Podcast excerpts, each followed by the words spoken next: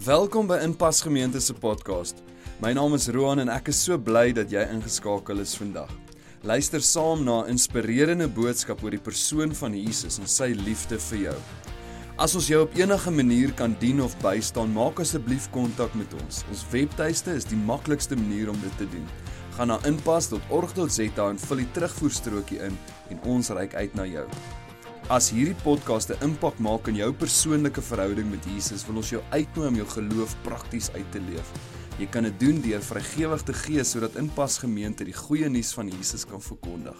Kyk gerus op inpas.org.za hoe om 'n bydrae te maak. En nou, sit gerus terug en geniet die boodskap. Ek dink vir ons is dit altyd ehm um, so merkwaardig wanneer ons iemand se lewe so 'n bietjie terugkyk op sy lewe en sien hoe daai persoon deur moeilike tye, deur kritiek soos wat ons nou in die rugby metafoor kyk, deur kritiek gegaan het, deur moeilike omstandighede gegaan het, deur om homself te wil of moet bewys gegaan het om uiteindelik aan die ander kant uit te kom en dan soos my ma altyd gesê het, aanhouer wen. Soos my pa my altyd aangemoedig het oor dit maak nie saak of jy hierdie keer nie wen nie, maar aanhouer wen. En ek weet dis iets as jy enigsins kinders het, is dit iets wat jy dis 'n dis 'n waarde wat jy wil inbou in hulle lewens in, want ek en jy wat al 'n bietjie ouer is, ons het al geleer dat dit is juis in hierdie moeilike tye en die moeilike omstandighede waardeur ons gaan wat eintlik ons storie op die einde van die dag as ons hom vertel, dis wat ons storie so significant maak, so merkwaardig maak. En dis nie die maklike tye nie. Ons kyk nie hier 'n video van almal uit hom aanvaar en hy's so wonderlik en is so lekker en so maklik vir altyd vir hom gewees nie. Ons kyk na 'n voorbeeld van iemand wat dit moeilik gehad het, wat alle odds was teen hom gewees. En dis waar ek en jy ver oggend wil gesels as ons is in ons reeks wat gaan oor halftyd. En is tipies daai gesprek wat ek en jy het in die kleedkamer halftyd loop ons dalk 'n bietjie agter soos laasweek En dan wil ek en jy partykeer 'n vlieg teen die muur wees om te sien maar waaroor praat hulle daar binne? Wat is die aanmoedigende woorde? En vandag wil ek jou vat na 'n baie interessante ding, toe wat jy dalk al jy die storie al baie keer gehoor, maar jy dalk nog nooit die konteks so verstaan nie. En die konteks van Johannes 6 wat ons vandag gaan lees, van die storie wat jy al baie keer gehoor het, maar die konteks van Johannes 6 is is dit merk 'n halftyd in Jesus se bediening. 'n Halftyd, jy sal nou-nou ek gaan nou-nou vir jou mooi dit verduidelik, maar daar het iets baie drasties verander in Jesus en die disippels se lewe van Johannes 6 af. En ons gaan nou-nou daardeur gaan. Maar net so ietsie net oor die volgende kwartaal wat kom voordat ons aangaan met die boodskap en dit is as jy graag wil betrokke raak in 'n klein groep. Ons klein groepe skop weer af die 15de um Oktober en ons het 'n 4 weke reeks wat gaan oor eindig sterk En ons wil jou graag uitnooi dat as jy nog nie ingeskakel het by 'n klein groepie, die kommitment is vir 4 weke. En dat jy sal betrokke raak by 'n klein groep eers. Ons het regtig klein groepe van enige iets, van enige soort groep met kinders, sonder kinders, ou mense, jong mense. Ons het selfs 'n aanlyn groep. Jy hoef nie op 'n fisiese plek te wees nie. Ons het 'n aanlyn groep op Maandag, Dinsdag en Woensdae aande met spesifiek met young adults, met jong mense wat van Europa af is tot in Delarival tot in die Kaap is en jy is welkom ook op so 'n manier met my te gesels en in in te skakel ook vir dit. En dan nog 'n belangrike ding net is die 15 Oktober is ons nuwe lidmate proses. So as jy nou al oorweeg het om deel te word van Inpas gemeente, wil ons jou graag aanmoedig om daai verkenningsgeleentheid by te woon. Dis vir ons jou graag bietjie net wil meer op daai Sondag na die diens so bietjie wil meer inlig oor presies waaroor wat die hartklop is van Inpas gemeente. Nou goed, terug by ons boodskap vir oggend, aanhouer wen. Nou Jesus het altyd 'n klomp goed gehad, stellings wat hy gemaak het, interessante stellings, uitdagende stellings. Um ek wil amper sê buitensporige stellings wat hy sy disippels gevra het om te volg in sy spore van hierdie buitensporige stellings. Hy het goed gesê soos jy moet jou vyande lief hê en bid vir hulle. Julle ek en jy ek ek ken jou. Jy sukkel om te bid vir jou vriende. Wat nog van jou vyande? Ek meen jy jy bid vir hulle maar aan die ander kant toe nê. Dat die Here hulle sal bietjie help. Jesus het goed gesê soos jy moet as iemand jou vra vir 'n baadjie, gee sommer jou broek ook. Nee, soos wow. Betaal jou belasting. Nee, regtig hierdie Romeinse ryk, hierdie regering van ons. Jy dink ons regering is erg. Romeine, jy wou vir hulle nie 'n sent gee nie, want hulle het ook maar die geld gemors. Anyway, vergewe. Here, hoeveel keer moet ons vergewe? Jy moet altyd vergewe. Maar kan nie net hierdie ou vergewe nie. So Jesus het baie keer buitensporige stellings gehad, maar weggesteek binne in hierdie buitensporige, buitengewone, uitdagende stellings wat hy gemaak het, is daar iets nuttig vir my en jou. Wat as ek en jy dit kan mooi verstaan en begin toepas in ons lewe, kan dit lewegewend wees. Kan dit iets wees wat vir jou kan begin lewe gee in alle fasette van jou lewe. Nou predikante het die geneigtheid om Jesus se stellings baie keer so 'n bietjie af te water, laat dit pas by ons en laat dit gemaklik is. En laat ons ons preek 'n gemaklike Christendom, want dit moet gemaklik en lekker wees, want dan sal jy 'n Christen wees. Maar Jesus was nie so nie.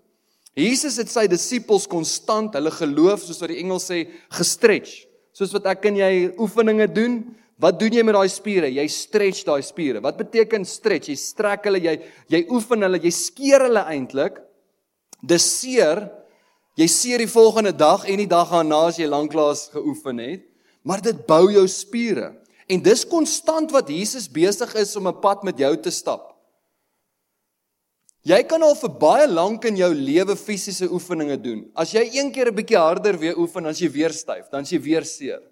En as jy lanklaas geestelik styf of seer was, julle, dan het jy gestagneer. Dan stagneer ons. En ons het nodig om daai vraag vir mekaar weer hier op halftyd vir mekaar te vra. Is ons nog besig om gestrek te word? Is die Here nog besig om in ons lewens in te bou? So die Here vra van ons vir sy disippels, vir my en jou, om nuwe spore te trap, maar hierdie nuwe spore wat getrap word, is baie keer nie saam met die massas nie. Dis baie keer stroom op. Dis baie keer as jy in die minderheid om die pad te stap. En dis nie altyd so lekker en so gemaklik nie. Maar dis baie keer die pad en die plek en dit wat Jesus ons na toe roep. Nou vanoggend in ons reeks, ek vat jou na die baie bekende verhaal toe van Johannes 6 en as eers 'n baie maklike gedeelte aan Johannes 6 en dan in die tweede helfte wat jy dalk al bietjie minder gehoor preek het oor, is daar iets awkwards wat gebeur. Daar's hy, nou is ons wakker. Daar's iets awkward wat gebeur in die tweede helfte van Johannes 6. Dis amper soos 'n movie wat afspeel wat ek my kinders waarsku nee, julle mag nie dit kyk nie. Daar's 'n ouderdomsbeperking aan dit, né? Nee? Daai Twilight flicks of wat is daai met die lang tande en die zombies en daai goed. Dis dis amper asof Jesus se verhaal, ek het gedink vanoggend moet ek die, die preek eintlik zombies noem, maar dit sou 'n bietjie weird gewees het. Ehm, um, maar Jesus is besig om iets hier te sê wat nou nie meer so lekker is vir die massas nie. Maar die verhaal begin so in Johannes 6 en julle almal ken dit en jy ken dit baie goed.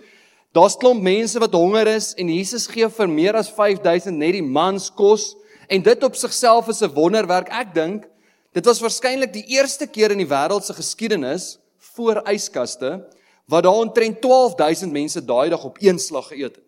Want hoe gee jy vir 12000 mense kos sonder 'n yskas? Sonder om goed te kos te versamel en dit dan koud te hou en te sorg dat daar genoeg is om vir 12000 mense te gee. So daai wonderwerk in daai tyd, as jy vandag vir 12000 mense gee, wel is nog steeds 'n dis nog steeds significant, maar in daai tyd soveel meer. Maar hier's wat volgende gebeur. So hierdie hierdie disippels is excited. Hulle het hierdie wonderwerk gesien gebeur. Die massas volg hulle. Nou net om jou idee te gee met Jesus, Jesus was redelik kontroversieel in sy tyd. Die fariseërs het nie van hom gehou nie, maar die regering het ook nie van hom gehou nie. Want die mense wou op hierdie punt al vir Jesus kroon as koning. Hoekom?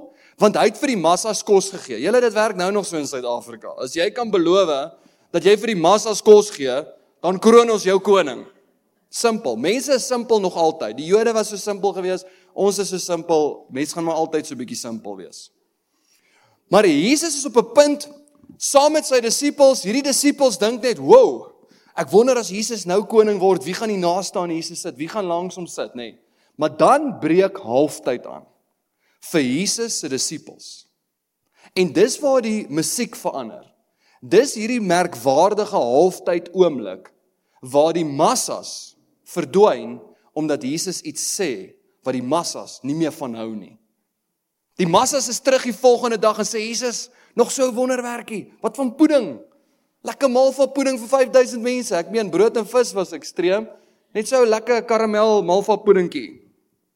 Gratis kos. Hulle soek nog so ietsie. En dan begin Jesus vreemde goed te sê. Julle, ek en jy ken dit, ons het dit al gehoor en ons verstaan dit, maar vir die mense wat dit die eerste keer gehoor het, was dit was dit ingewikkeld wat hy sê. Hy sê vir hulle goeie soos ek is die brood van die lewe. Wat hy daarmee bedoel en hulle verstaan dit glad nie, maar wat hy daarmee bedoel is ouens, ek wil nie net kom om vir jou nou net brood te bring vir vandag nie.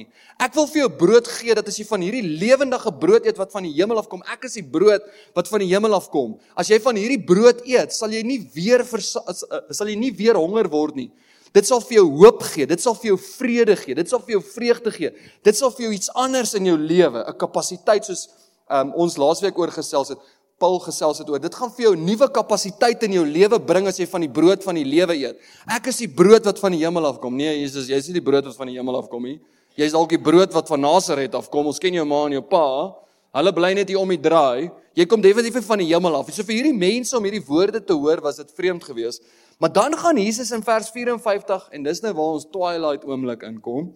En hy sê dit nog 'n bietjie meer vreemd. Hy sê hy wat my vlees eet Dink jouself in jy was daai dag daar en iemand sê dit. Nou ek en jy hoor dit, ons sien dit in die Bybel, ons vertrou dit, ons het al in die kerk, ons verstaan die nagmaal. Ons verstaan waarvan hy praat. Maar vir daai ouens wat dit die eerste keer gehoor het, het gedink hulle kyk 'n movie nou hier wat 'n ouderdomsbeperking is, druk die kinders se ore toe. Hy wat my vlees eet en my bloed drink, het die ewige lewe. Dit klink soos daai movies, nê? Nee? As jy daai bloed en daai vlees en dan kry jy immortality. Waarvan praat Jesus hierso? Ek dink Petrus en Johannes wil Jesus se mond net toedruk en sê Jesus, praat asseblief net bietjie oor gebed. Praat oor hierdie goedie. Die mense is hier vir kos. Deel so ietsie uit. Ons sal weer, ons sal weer. Ons is seker ons nou baie geloof. Ons sal nou sal nou die goeders uitdeel. Moenie hierdie goeders nie, hulle dink jy's die klitskoot. Hulle dink jy's mal. Jesus is besig om 'n punt hier oor te dra wat die disippels later sal verstaan van sy liggaam wat die nagmaal is sy bloed wat deel is van die nagmaal, maar hierdie eerste mense het geen begrip van dit nie. Hulle dink Jesus is vreemd. Hulle dink in elk geval hy's so bietjie nie lekker heeltemal daar nie. Maar Jesus wil vir hulle sê dat ek is die ware lewe. Dat as jy in my is, dis die enigste manier hoe jy ware geluk in die lewe kan kry, daai lewe in oorvloed kan kry. Dan gaan hy nog verder en dit raak net erger. Hy sê want my vlees is waarlik spys en my bloed is waarlik drank. Nou raak die massas, daai 5000 mense wat terug is vir poeding, hulle was waarskynlik meer. Hulle raak kriewelrig. Hulle wil nou die pad vat. Dis nou nie meer lekker nie, dis nou nie meer gemaklik nie. En baie van sy disippels het gesê toe hulle dit hoor, hierdie woorde is hard.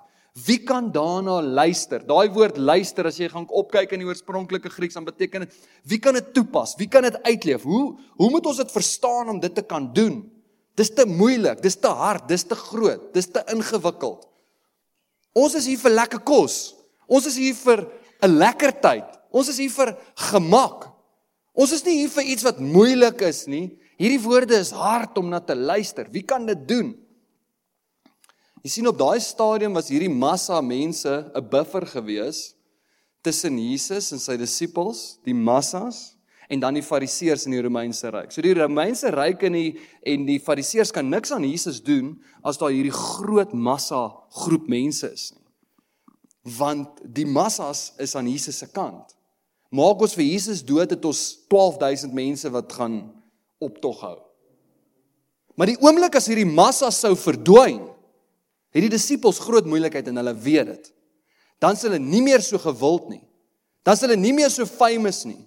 Gister was hulle sterre gewees toe hulle hierdie kos uitgedeel het. Vandag gaan hulle hulle sterre sien. Hulle was hierdie buffer gewees. En vers 61. En Jesus het in homself geweet dat sy disippels hieroor murmureer. Nou die disippels as hy hiervan praat, onthou, dis nie die 12 nie. Dis meer as 12. Dit is waarskynlik meer na 70 of 100. Dis meer na 'n groter getal toe. En hy kan sien dit raak kriewelrig en hy kan sien hulle raak mounerig. En hy sê vir hulle: "Is dit vir julle tot aanstoot? Maak dit julle ongemaklik? Maak dit vir julle dat dit vir julle voel julle wil begin twyfel? Voel dit nou vir jou jy wil nou nie meer lekker saam stap nie? Dit was nou lekker gewees tot gister. Maar nou is dit nou nie meer so lekker nie. Halftyd het aangebreek vir hierdie massa mense, julle. Halftyd het aangebreek. En die tweede helfte gaan anders wees as die eerste helfte. In die eerste helfte het ons oor hulle geloop. In die eerste helfte het ons kos uitgedeel. In die eerste helfte het dit goed gegaan. Was dit lekker? Was dit maanskyn en rose? Was dit net net lekker? Dit was net perfek. Dit het uitgewerk vir hierdie disippels soos wat hulle gedink het. Maar nou kan Jesus sien dit wat sopas gebeur het is vir hulle tot aanstoot. Hulle begin twyfel. Hulle begin onttrek. Hieroor het baie van sy disippels vers 66 teruggegaan en nie meer saam met hom gewandel nie. Hierdie hier hierdie is die halftyd merk waar die massas nie meer saam met Jesus gewandel het nie. Op daai dag het Jesus die massas wat in sy hand wou uiteet verloor. En as jy vir Jesus baie goed ken, was dit nie per toeval nie, was dit nie per ongeluk nie. Dit was so beplan. Want die pad om Jesus te volg, julle is nie net altyd stroomaf en maklik en lekker nie. Hierdie was 'n punt gewees waar Jesus nou wat volgende gaan gebeur, wat Petrus gaan sê wat die kaptein is van die span. Weet nie wie hom kaptein gemaak het en wat Jesus sê in die kleedkamer hier, gee vir my en jou hierdie tolk van halftyd as dit baie keer bietjie moeilik gaan in my en jou lewe. En Jesus sê vir hulle homself, ehm um, sorry, en Jesus het ja, en klomp disippels wou nie meer saam met hom gaan nie. Toe sê Jesus vir die 12, dis nou net die 12. Dis die oomblik in die kleedkamer. Dis die halftyd oomblik. Wil julle ook weggaan? Waarop ek dink Petrus hier in sy kop gedink, wel Judas het klaar planne gehad. Ons weet dit. Hierdie man het klaar sak vol planne gehad. Hy het gedink, weet jy wat die eerste geldjie wat ek kry, am out. Want nou is die massas nie meer hier nie. Ons is nou dis nou open season, dis 'n oop teiken. Hierdie ouens gaan die volgende ding wat gaan gebeur is hulle gaan ons met klippe doodgooi. Ek meen ons is nou meer niks werd nie. Ons is 12 saam met Jesus is ons 13 en Judas hy sleep maar saam. So hy is ook niks werd eers nie. En Thomas glo nie eers nie. So ek weet nie hulle het moeilikheid. Wil julle nou ook weggaan? Julle dit was nie die eerste keer wat Christene gevoel het dis nou te taaf ek wil nie meer nie. Ek wil nou 'n ander pad stap. Hierdie ding werk nie nou meer vir my uit nie. Dis nie nou meer vir my lekker nie. Die lekker wat hulle my beloof het om 'n Christen te word, dis nou nie meer lekker nie. Wil julle nou ook weggaan? Dis wat hy vir sy disippels daar vra. Ewe skielik is dit nie meer vir hulle voordelig om Jesus te volg nie. Jy het dit al gevoel in jou lewe? Dit was heeltyd vir jou voordelig om Jesus te volg. Jy voel lekker man. Om 'n Christen te wees is vir jou voordelig, is lekker, dit gaan goed. Maar dan breek daar hierdie halftyd ding aan en ewe skielik is jou lewe op sy kop en dit voel vir jou net ewe skielik dit gaan jou nou meer kos as wat jy gaan kry. Dit gaan jou nou meer kos as wat jy gaan kry. En is in daai oomblikke wat dit nie meer vir ons lekker is nie. Vat 'n voorbeeld. Jy het dalk jou hele lewe in jou gesin groot geword in 'n heilige, veilige plek. En dan is daar 'n verandering in jou lewe waar jy moet universiteit toe gaan. En die oomblik as jy daar aankom, dan hulle hare so met houtlijm. En hulle praat nie meer soos jy praat nie. Ek onthou toe ek ek het musiek gaan swat by TUT op 'n stadium. Ek was ek was wraggies die enigste Christen daar. Ek het dit eers vir hulle gesê nie. Undercover. Niemand daar het niks geglo nie. Ewe skielik is dit nie meer so eenvoudig nie. Ewe skielik hoor ek en jy in ons hart die Here vir ons ook vra, "Wil jy ook nou weggaan?" Dit was vir jou maklik geweest op 'n sekere stadium in die hoërskool het dit was dit alright vir jou geweest. Maar nou raak dit taaf vir jou in die hoërskool wanneer jy moet opstaan en uitstaan, miskien as jy verkies as 'n leier of iets en ewe skielik moet jy jou Christelike waardes, dit wat ingebou is in jou lewe, ewe skielik moet jy dit begin uitleef en die mense om jou like dit nie. Hulle dit kan jy net asseblief bietjie kalmeer los die kinders daar wat rook agter die bus stoor man. Moet jy heeltyd vir almal sê? Moet jy altyd die regte ding probeer doen? Of jy's dalk meneer geestelike Christelike sakeman. Doen altyd die ding reg. En dit is maklik en is maklik en is maklik totdat daar 'n moeilike ding gebeur. Totdat jy agtergekom hier's iets nie eers lekker of iets reg nie. En nou is dit nodig vir jou om op te staan. Dis nie die tipe lig wat ons wil skyn nie. Ons wil nie opstaan nie, ons wil nie uitstaan nie, ons wil inblend. En dan begin dit ons iets te kos. Dan begin dit ons baie keer meer te kos as wat ons daar uit kry. Die voordeel as jy dit gaan meet van om 'n Christen te wees is minder as dit wat dit jou kos om 'n Christen te wees. En dis wat hierdie eerste Christene, dis wat hierdie disippels hierso beleef het. Daar is oomblikke in ons lewens wat dit ons meer gaan kos as wat ons gaan kry. Nou terug by hierdie disippels wat op 'n baie moeilike plek is in hulle lewens. En Petrus antwoord hom iets. Julle ek ek ek, ek wil hê vanoggend as jy aan die slaap geraak het of vergeet het wat het ek gesê, hierdie volgende versie. Maak dit 'n screensaver by jou huis. Dis een eenvoudige sinnetjie. Hierdie sinnetjie is 'n sinnetjie wat die suiderkruis is vir my nog altyd wanneer ek deur moeilike tye gaan, wanneer ek deur verandering gaan in my lewe, wanneer ek deur beproewing gaan, versoeking gaan, moeilike goed gaan in my lewe, is Petrus se antwoord significant. Jesus wat vir daai groep van 12 vra, "Wil julle nou ook weggaan?" En Petrus antwoord hom met hierdie woorde: "Here, na wie toe sal ons anders gaan?" Julle die lig kom aan vir Petrus, die lig het nog nie vir jou aangekom nie, ek kan sien. Maar die lig gaan nou aankom vir jou. Jy gaan nou verstaan wat hierdie beteken. Petrus het verstaan dat as hy sou vandag wegstap van Jesus af, gaan hy na iets anders toe stap. As jy weggaan van Jesus af, is jy nie op neutrale grond nie. Daar bestaan nie iets soos as ek weggaan van Jesus af, dan is ek nou maar net in die niet. Ek is nou maar net nêrens. Ek is nou maar net ek glo nie iets nie, ek's nou maar net ek flout my maar net. Daar is nie iets soos dit nie. Jy is altyd besig in jou lewe om agter iemand aan te gaan, na iets toe te gaan. Of dit evolusie is, of dit een of ander ander ding is, of dit rageltjie lou is, jy's altyd besig om na iets toe te gaan. En Petrus se lig kom aan en hy oorweeg sy opsies en hy's nie verward soos die ander wat 'n klomp vrae in hulle koppe en wat gaan nou gebeur met ons en gaan ons nog enigstens uitkom op die troon en die kar en die goed wat ek gedink het ek gaan hê en beplan het. Petrus is nie verward met al hierdie goeters nie. In daai oomblik was dit vir hom baie eenvoudig. As ek vandag wegstap van Jesus af, stap ek na iets anders toe. En wat is die ander ding? Is die ander ding lewendgewend? Wat is daai ontvlugtende ding vir jou? Wat wat ek en jy partykeer maklik sê, goeters raak te veel vir my, ek wil net vir 'n oomblik ontvlug. En die vraag is daai ding waartoe jy gaan, na wat jy toe gaan. Die vraag vandag is is gee daai ding vir jou lewe. Kan daai ding vir jou lewe gee? Op 'n stadium in my lewe het ek gedraai na drank toe. Sê, weet jy wat, maar ek het nie gedink ek het gedog ek's maar ek, ek jy weet ek is nou maar net hier eers. Ek het nie gedink ek gaan nou na dit toe spesifiek nie. Maar om weg te gaan van Jesus af is om na iets anders toe te gaan.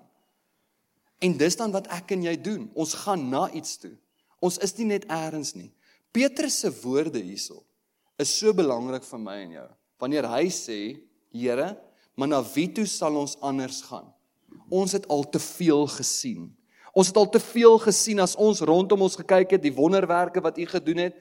Ons weet dat as ons vandag weggaan, oor 'n week of twee gaan ons terugkom, want na wie toe sal ons anders gaan? Na wie toe kan ek anders draai? Ek weet jy het al in jou lewe so gevoel en geen veroordeling vanoggend nie. Dat jy voel, weet jy wat, gee my net 'n oomblik. Ek kan nie nou die Here volg nie. Ek het nie nou krag nie. Ek is nie nou lus nie. En jy weet jy stap weg van hom af, maar jy weet ook jy gaan oor 2 weke gaan jy terugkom. Want na wie toe sal jy anders gaan? By wie is daar ware lewe? Hoor wat sê Petrus, hy sê en hy antwoord hom: Here, na wie toe sal ons anders gaan? U het die woorde van die ewige lewe.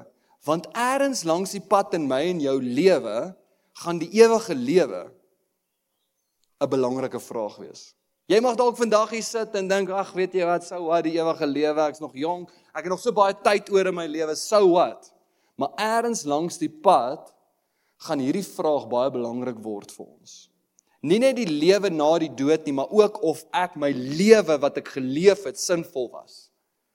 En dis wat Petrus hier na toe verstaan. Hy verstaan dit. Hy sê ons het al te veel gesien, Here. Ons kan dalk 'n week weggaan, maar ons gaan net weer terug wees, want ons het te veel gesien. Ons het te veel gesien hoe U werklik waar die ewige lewe is. Dat U werklik waar vir ons lewe gee. Die kere wat ons agter U spore aangestap het, al was ons die enigstes wat daartoe gestap het, het dit vir ons lewe gebring. Die kere wat ons die moeilike goed gedoen het, en dit vir ons gevoel het dit kos ons iets en is nie lekker nie en is sleg, dit was lewegewend. Ons het al geleer deur al hierdie tye dat die moeilike goeters te doen, die moeilike pad te stap, is baie keer die regte een om te stap wat vir ons lewe gee. Terwyl die massas loop, terwyl die massas 'n ander rigting inslaan, is die vraag wat Jesus my en jou kom vra, wil jy nou ook loop? En Petrus se amazing woorde wat ek en jy kan vasmaak vandag wat ons saam met ons kan dra is om te sê na wie toe sal ons anders gaan want ek en jy die lig het vir ons ook aangekom ons besef om weg te stap van Jesus af is om na iets anders toe te stap. Vers 68 U het die woorde wat die ewige lewe bring. 69 en ons het geglo en erken dat U die Christus is die seun van die lewende God. Al sou ons vandag loop ons sal môre weer terug wees. Ek wil vir jou hierdie noem dit maar 'n punchline aan die einde van my boodskap wil ek vir jou vasmaak vir oggend. Ons almal het 'n klomp vrae in ons lewe. Ons gaan deur versoeking, ons gaan deur verandering en beproewing en dit bring vrae. Dit bring omstuimigheid in jou lewe. As jy dink jy gaan van een seisoen na 'n volgende seisoen van jou lewe. As jy dink jy gaan van van laerskool na hoërskool toe. Dis dis dis verandering. As jy dink jy gaan van hoërskool na universiteit toe of jy begin te werk by 'n nuwe plek of jy's ingeskakel in 'n nuwe gemeenskap, dit is verandering. Dis in daai tye wat dit vir ons so maklik is om weg te stap van die Here af. Beproewing. Dis in daai oomblikke wat ek en jy voel, weet jy wat, ek bid en ek vra maar die Here kom nie deur vir my nie. Dit voel vir my of die Here my beproef. Ek het nou al gebid, ek het nou al gevra, dit werk nie uit nie. Weet jy wat ek doen die regte ding nie op skool, maar dis asof my maats minder word. Dis in daai oomblikke wat ek en jouself wat ons hoor die Here sê, na wie toe sal jy anders gaan? Of of Petrus se woorde. So in daai moeilike tye mag ek en jy nie net fokus op al ons vrae nie, maar mag ons ons opsies oorweeg. Wat bedoel ek met ek en jy moet ons opsies oorweeg? Na wie toe sal jy anders gaan? Na wie toe sal ek en jy anders draai? En mag ek en jy weet vir oggend dat jy's nie die eerste Christen wat al gevoel het in jou lewe ek het genoeg gehad. I'm out. Die eerste helfte was lekker, maar ek sien nie kans vir die tweede helfte nie.